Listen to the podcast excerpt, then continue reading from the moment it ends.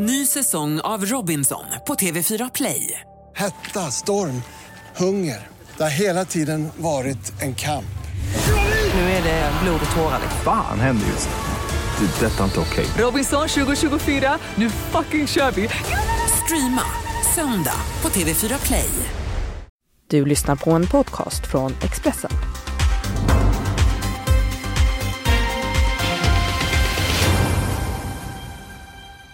Mycket hot och hat måste man tåla som politiker och som offentlig person i Sverige idag? Det ska vi diskutera i Politikpodden med mig, Karin Olsson, som är kulturchef på Expressen. Och det här är faktiskt det andra av två specialavsnitt som vi gör av Politikpodden här i Almedalen. Vi sänder live. Eh, och vanligtvis är det Expressens Malin Roos som programledare, men nu är det alltså jag. Och vi kör ett lite annat upplägg än vi brukar. Vi brukar ta upp de största snackisarna, men det här fördjupar vi oss istället lite i ett ämne. Igår pratade vi med Torbjörn Nilsson och Alex Schulman om det politiska debattklimatet, om åsiktskorridorer. Och ni kommer få mer av Alex Schulman även idag. Men, men eh, han delar scen idag med Gudrun Schyman. Varmt välkommen hit. Tackar, tackar. Känner ni varandra sedan tidigare eller? Vi har träffats. Vi har träffats. Vi har, Gudrun var gäst i Schulman show. Då hade jag Gudrun som en gäst, då hade jag eh, vad heter hon, Hollywoodfrun, hon som tycker om tofsar. Vi har glömt bort hennes namn nu. Montazami. Montazami.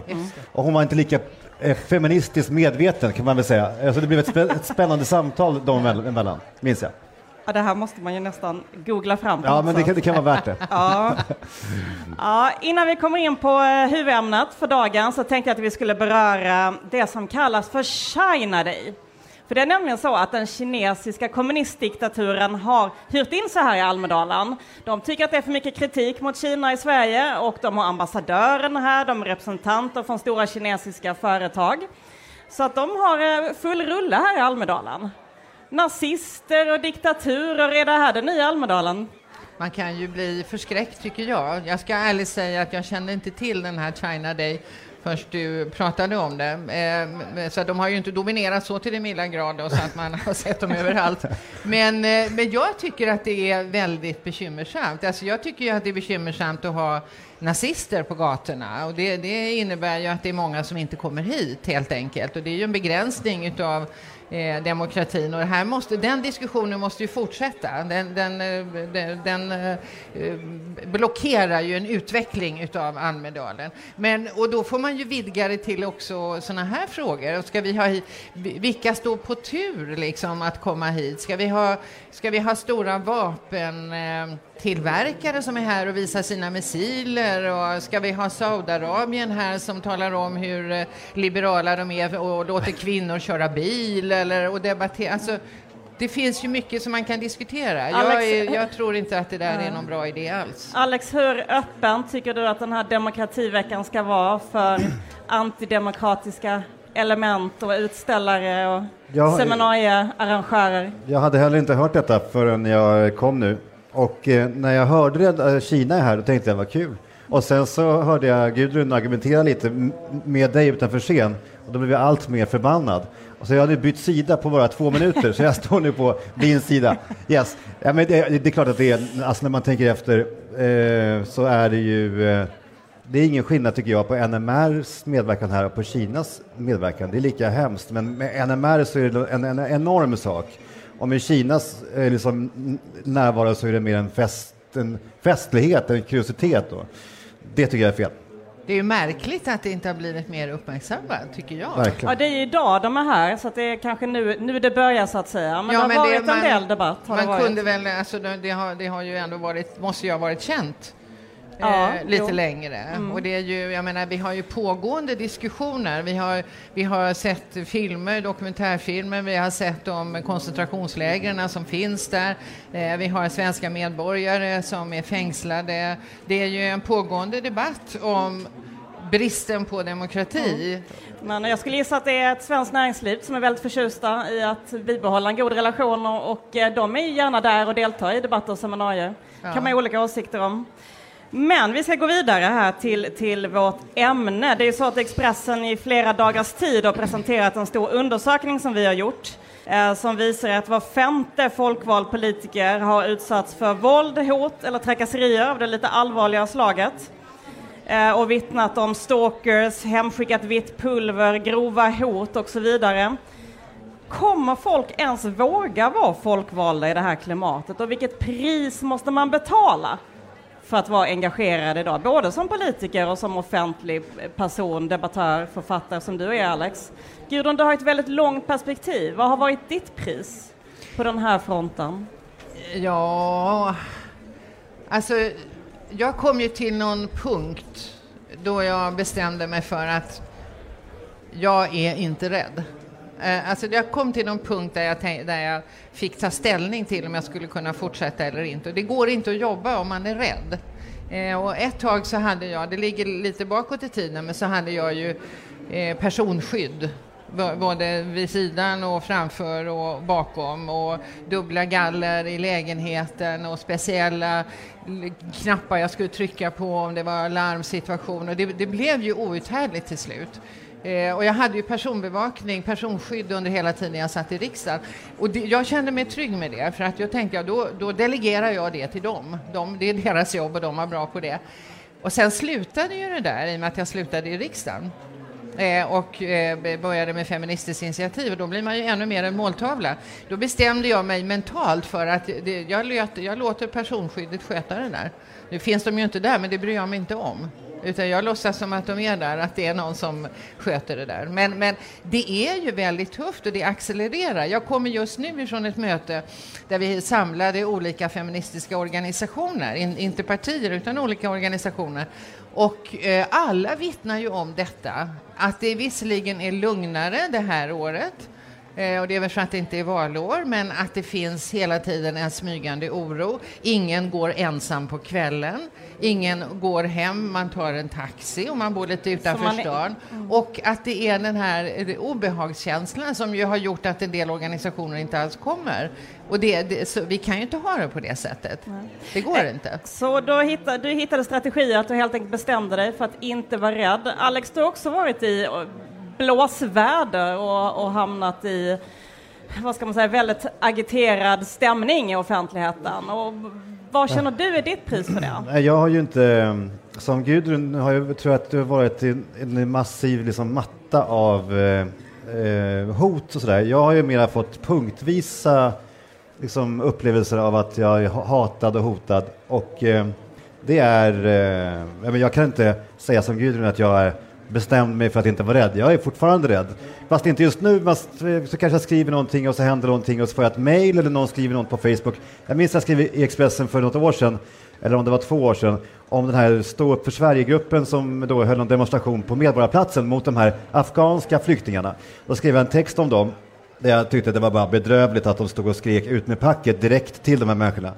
Och eh, då var det en, en man då på Facebook som eh, skrev att han skulle åka till Stockholm och släcka mig då.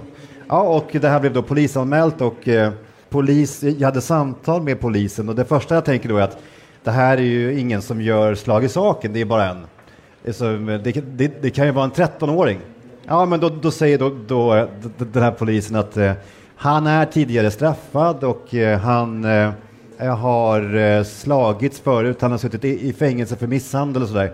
Och vi vet inte heller var han är någonstans. Han bor i norra, i, i, i norra Sverige men har setts i Stockholm. Och du har i din podcast sagt att du kommer vara på det och det evenemanget i helgen. Så att vi tycker att det här, det här, är, inget, det här är inget bra helt enkelt. Ja, då fick jag då livvaktsskydd då, en man som gick med mig. Men den känslan då att gå på gatan, eh, för han gick ju sen hem då, den här livvakten, och så skulle jag gå hem. Då, då går man ju runt och tittar sig över axeln. Och nästa gång som man sätter sig för att skriva en text så aktar, man, aktar jag mig för att skriva den typen av text. För det handlar om att ta sats, att eh, orka med det.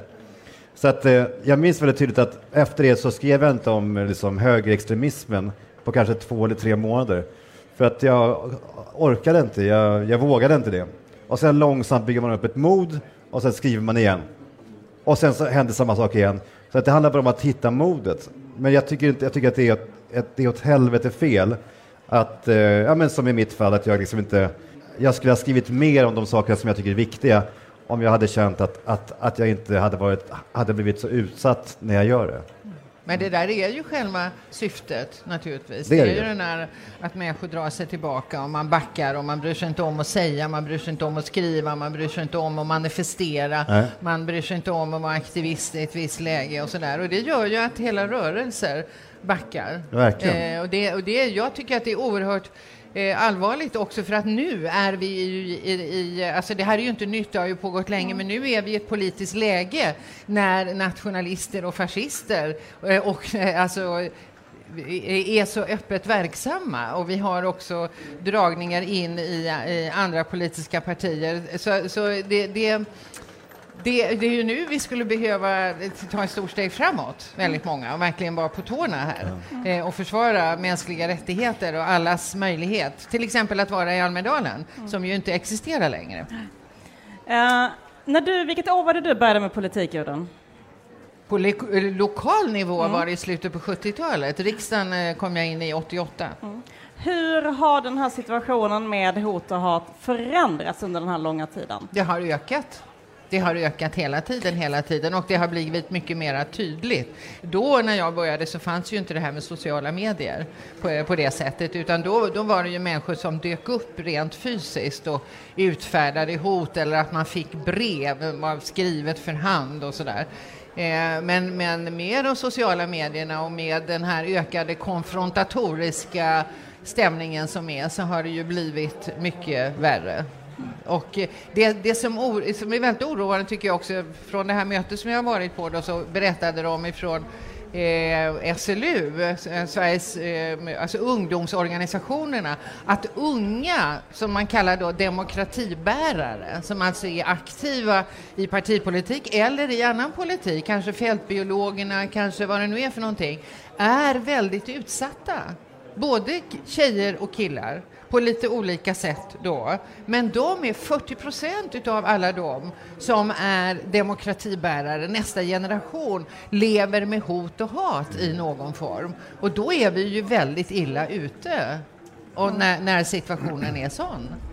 Alex, du har inte varit lika länge i offentligheten som Gudrun, men dock har du varit med ett tag. Märker du någon förändring? En enormt stor förändring, jättestor. Alltså jag tycker att det är det som vi nu är med om. Jag har också många vänner, opinionsbildande vänner. En del av dem har också slutat eh, på det opinionsbildande sajter därför att de tycker inte att det är värt det. De orkar inte helt enkelt. Och eh, det jag gör än så länge det är att jag stänger av möjligheten att nå mig. Alltså jag, jag eh, stänger av, eh, jag tar inte längre emot mejl från Expressen-mejlen, jag vill inte läsa det. Eh, Jag stänger av eh, Twitter. Jag, hade, jag har nu inte, inte längre ett konto där därför att det, var, det, var, det är så de når in då. Jag stänger av funktionen att nå mig på direktmeddelanden på Instagram för där kommer hot och hat. Eh, och då finns det bara kvar det fysiska. Men då får jag också då brev. Jag fick ett brev från eh, jag skulle bli dödad och slaktad som den landsförrädare jag är från eh, under, undertecknat NMR. Och då säger polisen att vi inte är helt säkra på att det är eh, NMR. Men faktum är att jag sedan jag fick det där brevet inte har skrivit om NMR. Och jag slogs av det bara häromdagen, att det är klart att det, även om det inte är ett val jag har gjort, så, så ligger det ju där. Så att det där, jag tycker det där är liksom, och det där, så där var det ju inte för, det, det är natt och dag i jämförelse med hur det var för tio år sedan när jag började skriva om politik. Enorm skillnad. Eh, Jag pratade med en ledarskribent här eh, kort innan vi gick upp på scen eh, och den här ledarskribenten menade att hot är oacceptabelt. Men hat, det får man bara vänja sig vid. Varför det? Ja, det hade ingen djupare diskussion, men jag tror att att den här personen menade att, att liksom det, det här hatet, det bara flödar på. Det kommer hundratals mejl med okvädningsord och, och som säger att man är dum i huvudet och ful och, och eh, landsförrädare och så vidare. Att det, det där bruset så måste man bara på något sätt... Eh, Men alltså det finns ju en tillvänjning nu då. Det är, man kan man ju säga det, det är en, är det en farlig strategi, någon skala, ja det tycker jag. Det blir en normalisering om att det här är någon form av samtalston som man ändå kan accepte- acceptera. Det är ju samma som normaliseringen utav, eh, eh, utav nazismen eh, under täckmantel att det är en åsikt. Och åsikter får man ju ha, det är uppmaning till mord som det handlar om. Eh, och, och, det, och det måste man ju ta på allvar, tycker jag. Det, eh, det, jag, jag, jag tror inte alls att det där är någon smart strategi, om det nu skulle framställas som det. Utan jag, jag tror att vi alla har intresse av att eh, eh sätta stopp. Och det, alltså det är absolut Eh, Eh, det, det, kravet som ju många driver, inklusive Feministinitiativ som jag har jobbat mycket med, är ju att förbjuda nazistisk organisering. Och det finns ju fog för det, både i regeringsformen i Sverige och det finns i, i internationella konventioner. Och Sverige får ju kritik internationellt för att vi inte Eh, gör bättre ifrån oss på det här området. Och den kritiken tycker jag vi ska ta på allvar. Eh, och det, det, då, då, säger man så här, ja men det hjälper inte, de går bara under jorden. Ja, men då står de i alla fall inte här eller med, möter mig eller mina kamrater eh, som har en annan hudfärg i toalettkön eller någon, någon transperson som ska vara med på något seminarium som man möter på, i kiosken eller så. Alltså det, det finns någonting som är väldigt skrämmande mm. i detta att hela tiden behöva stå öga mot öga med en person som säger att du ska inte finnas. Det är också så att det inte handlar inte bara om de som är måltavlor som Gudrun är, har varit och är, utan det handlar om, om alla människor som ju, eh, alltså jag tänker på bokmässan när NMR demonstrerade.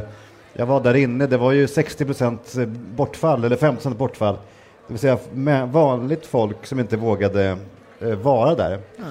Jag minns förra året så var det ju många som lämnade Almedalen den här eftermiddagen när NMR skulle vara här. Det vill säga, de, de skräms bort. Så det, det, är inte bara ett bekymmer att måltavlor, som man säger, liksom, känner sig rädda. Det är ju ett jättebekymmer. Men det, men det, är, det är ett bekymmer för alla, för, mm. och det är, ett demo, det är ett demokratiskt bekymmer. Också, också bara säga det att det här med att hat är okej, men hot är inte det. Det är också en otroligt märklig sak att säga eftersom det är så svår, det är en gråzon också. Jag vet inte hur många meddelanden på Twitter jag fått, ibland från, från folk som också går ut med namn, där de säger så här, för din egen skull, ska du nog inte gå ut på ett tag. Det vill säga att de är omtänksamma i det här då. Att, men det finns ju alltid ett hot ja, som ligger där. Det som ett hot. Nå, mm. Någon som vill mm. ses och ta en kaffe, ska vi ses på och så, så ser de ett café som ligger i mitt hus och sådär. Alltså du vet, sådana här saker som inte skulle gå, kunna gå fälla för någonting. Det är inte brottsligt eller olagligt, men det är ju en hotfull underton i det. Mm. Eh, Säpo skyddar ju bara eh, regeringen och riksdagsledamöter. Som du själv beskrev Gudrun, och det gick till Feministiskt initiativ så var ju plötsligt livvakterna borta. Har partierna tillräcklig beredskap för att stötta lokalpolitiker som är jätteutsatta, för att stötta de engagerade ungdomsförbunden som också drabbas? Nej, partierna själva har ju inte det. Eh, utan det, det, det, måste ju vara ett eh, samhälleligt åtagande. Men måste... erfarenheten de har är att de ofta går till polisen som inte har resurser, den ja, vanliga polisen, ja, har svårt att prioritera detta i mm. också en situation där mycket polisresurser går till att eh, hantera direkt akuta säkerhetssituationer. Jo, absolut, men det, det behöver ju byggas upp en betydligt bättre beredskap Eh, där, där man kan, och då, om det ska ske då i, i, på den kommunala nivån eller om det ska vara på region eller statligt, det kan man ju diskutera, men man kan inte lägga det ansvaret på enskilda partier och organisationer. För att jag menar, många utav, om jag tar då de feministiska organisationerna eller RFSL eller alltså, som jobbar för mänskliga rättigheter, kvinnors rättigheter, hbtq-personers rättigheter och så, är ju relativt små organisationer som framförallt drivs av volontärer. Mm. Eh, och ska vi säga att vi, vi, vi ska garantera alla medlemmars och, och sympatisörers säkerhet, hur då? Det är ju fullständigt omöjligt och, och, och, vi har inte de ekonomiska resurserna överhuvudtaget. Så det, det är ju om vi säger att detta är en del i en levande demokrati, att vi ska kunna finnas och höras och synas, så måste ju också staten se till att det finns resurser för att upprätthålla den demokratiska strukturen som behövs. Och i det ingår också skydd. Mm.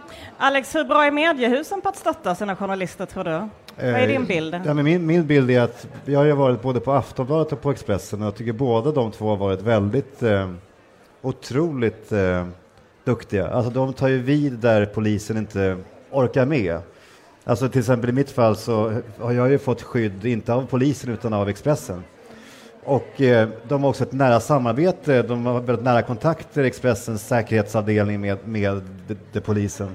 Så, så jag, jag, tycker att det där, där, där, polisen inte klarar av det, där Där har Expressen och Aftonbladet liksom kommit in starkt. Jag, jag, jag måste också säga det att det är klart att, att, att det finns brister hos polisen De har inte resurser. Men det, men det känns också att den här satsningen på demokratihot hos dem ger ändå frukt på något sätt. Jag har ju anmält alla de här hoten till polisen genom åren och eh, alla gånger har det liksom bara blivit ingenting av det. Nedlagt, brist på bevis. Liksom, ibland så, så har det bara runt ut, ut i sanden. Jag, jag har inte fått ett avslut på det. Men så i, då i, någon gång i våras eller så, så fick jag sju stycken olika dödshot samtidigt och då hamnade det då på gruppen för, är det hat eller hot, demokratigruppen på polisen. Och då blev det en jävla fart helt enkelt, för då ansågs det här som ett demokratihot. Och det har gått enormt fort framåt. Och när de hör av sig till olika tjänster, Instagram och sådär, så har de varit väldigt hjälpsamma. Så det känns ändå som att det är någonting som är i rörelse.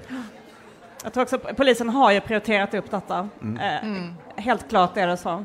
Det, det, blev ju en diskussion om det bland annat efter Göteborg och bokmässan och de stora demonstrationerna och då var vi ju ett antal som var på stora affischer där det stod det som är foto och namn, folkförrädare och som anmälde. Jag anmälde också men det blev ju nedlagt för alltså man kunde inte Ja, man kunde inte bevisa om det verkligen var hot. Ja, just det, Eller... Du var på en av de här bilderna ja, som man... Ja, just det. Ja, just det. Så, så, så, kunde man inte säga om det verkligen var hot. Ja, vad fan var det då? Om det, man har ett stort foto, folkförrädare. Det, jag tycker det är ganska hotfullt alltså. Mm. Men vi, det är bra om det har blivit Om bättre. vi riktar strålkastljuset lite mot oss själva. Vi befinner oss i en bransch, vi är opinionsbildare, journalister, politiker. Vi är ju också ansvariga för tonläget i, eh, på våra arenor. Och min bild är att om, om, om ju mer man själv höjer tonläget, ju mer man sticker ut och ju mer man tar plats, desto mer blir man också drabbad av de, denna flodvåg av, eh, av hat.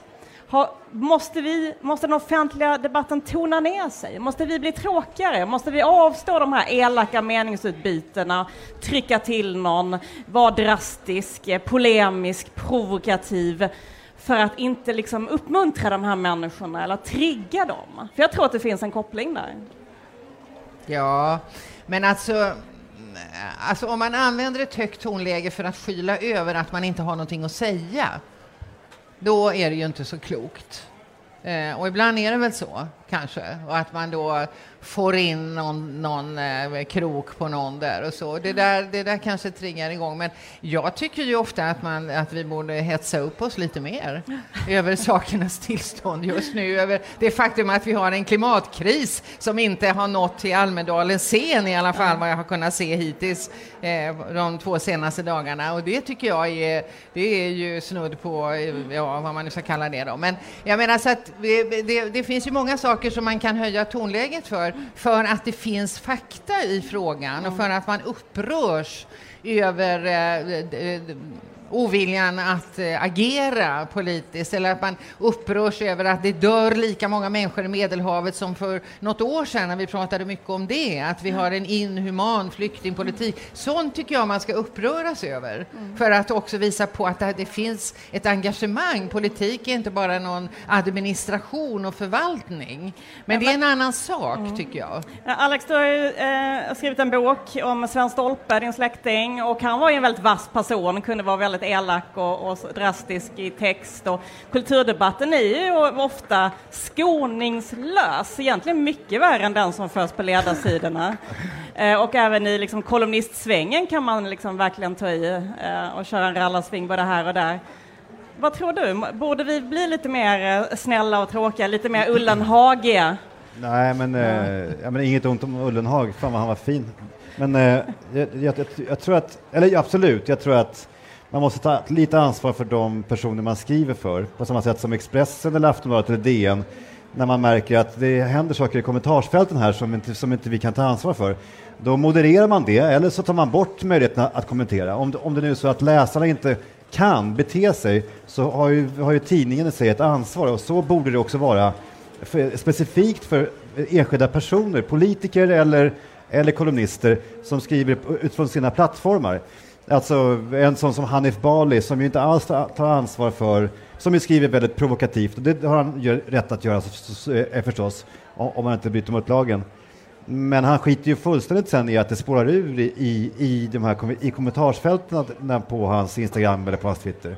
Och där tycker jag att på samma sätt så, så, som opinionsbildare har ett, liksom tar ansvar via sin tidning så borde de också specifikt enskilt göra det på sina plattformar. Och där, Ta ansvar för sin svans helt Verkligen. enkelt. Ja. Men Ja. det är ju också, får jag bara säga, för Ja. jag, alltså jag får ju väldigt ofta utav eh, kvinnor, unga kvinnor framför allt, så säger så här, men hur ska vi liksom stå ut? Hur, hur ska, ett säkert tips som jag har alltid, det är att Alltså hur ska vi stå ut med allt hot och allt hat som kommer på nätet och så? Och mitt enkla tips är, läs inte. Ja. Ta bort. Det, man måste inte läsa. Alex helt enkelt. Man måste inte Försvinner. läsa allt alltså. Det, man, man klarar sig bra ändå. Man måste inte, jag har ju sett hur, hur nä, nära vänner nästan har blivit sjuka av att börja gå in i trådar och veckla in sig i, i sammanhang som, som blir, det liksom lämnar verkligheten. Det är obehagligt. verkligen. Men jag vill också hinna prata om ditt Gudruns klassiska Almedalen-trick när du eldade upp 100 000 kronor för att illustre- illustrera olikheten i löner mellan könen. Vad säger du? Nio år senare, finns det anledning fortfarande att bränna upp pengar för att visa på det här problemet eller har det blivit bättre? Nej, det har blivit sämre. Jag skulle få elda upp sämre. ännu mera pengar. Det, det var ju taget i underkant redan då, ska jag säga, och nu är det ju större skillnader på många håll. Och då menar jag, det, då handlar det inte om har män och kvinnor olika lön när man gör samma sak eller har ungefär samma befattning, utan det handlar om just den värderingsmässiga stora skillnaden mellan vården och verkstaden, mellan servicenäringar som ICA och IT, mellan akademikerjobb som socionomen och ekonomen. Och där skiljer det nu ungefär 4 500 i månaden. Eh, om man räknar upp kvinnor på heltid och då vet vi att väldigt många har deltid. Så det är ännu mera. Det- Och det här blir ju jättemycket pengar under ett arbetsliv på 40 år och det sätter sig i pensionen eftersom vi har ett pensionssystem som utvecklar alla orättvisor under arbetslivet totalt. Men Alex, du som säljer så himla mycket böcker, kan inte du pynta lite till Gudrun så hon liksom kan göra om sitt... eh, eh, Så jag kan elda igen där nere. exakt. Det är en bra idé. Göra en brasa. Det är i och för sig Nej, men- kanske eldningsförbud nu, men... ja. Det här, men det, det, den, här, eh, den, den här händelsen förblir ju det mest spännande som hänt i Almedalen på 20 år, eller någonsin kanske. Och Du det- undviker min fråga här. Ja, men alltså, jag vet inte, skulle jag bli... Skulle, skulle Det du ens- går inte att göra om. Nej, men skulle du ens ställa upp? Det skulle vara Nej. knäppt. Alltså, nej, nej, nej. Så där kan man ju bara göra en gång. Och det är, inte, alltså det är intressant Men ni kanske vara- kan ha en liten sån här PR-stund på- tillsammans och hitta på något nytt. Något nytt, ja absolut. Något nytt. Det intressanta var ju upprördheten och den visste ju jag skulle komma. Och på goda grunder, det är jättemycket pengar för mig. Många människor är jättemycket pengar för mig med. Men det var en drastisk åtgärd för att synliggöra en drastisk situation. Och det gav upphov till enormt mycket samtal under Almedalen. Men sen satt jag i 14 dagar och svarade på mejl. Människor som, som var upprörda. Och både samtalen här i Almedalen och de kommande veckorna slutade jag alltid med att säga, tror du vi skulle ha pratat om det här om, vi, om jag inte hade eldat? Nej. Det var rena folkbildningskampanjen som följde efter detta för att förklara varför vi gjorde det. Och det gäller, det gäller också tio år senare, att vi pratar om det nu därför att vi gjorde det då. Precis. Ja. Så är det. Apropå folkbildning, vi eh, avslutar varje programpunkt här i Almedalen eh, som vi har på Expressen scen med att fråga alla vad man personligen eller professionellt gör i det rådande klimatnödläget. Helt kort, Gudrun, vad, vad har du för personliga strategier eller professionella? Ja, dels så, så håller jag ju på själv och har lagt en massa sol... Eh, eh, se- eh, vad heter det? Solpaneler. So- Solpaneler på hela Solen. taket och jag, jag gör en massa sådana saker och jag flyger inte och jag så här. Men det jag har siktat in mig på nu som är en aktivism, det är pensionspengarna. Pensionspengarna måste få fötter. De hundra största globalt företagen som skitar ner mest ägs till 70 procent utav pensionspengar. Vi äger och det kan vi ju inte fortsätta att göra, utan vi måste se till att få flytt på dem. Det gäller de stora AP-fonderna, men det gäller också den delen som vi själva kan välja, PPM. Så att nu ska jag ut och agitera. Alex, vad gör du? Ja, men jag gör väl det, alltså, jag är inte bättre än många andra, men jag försöker ibland att skriva om det i min kolumn på Expressen och jag eh, ja, men kämpar väl på med det som jag, alltså med att för, jag försöker flyga mindre, försöker äta mindre kött och försöker leva medvetet, även om jag då såklart ibland misslyckas.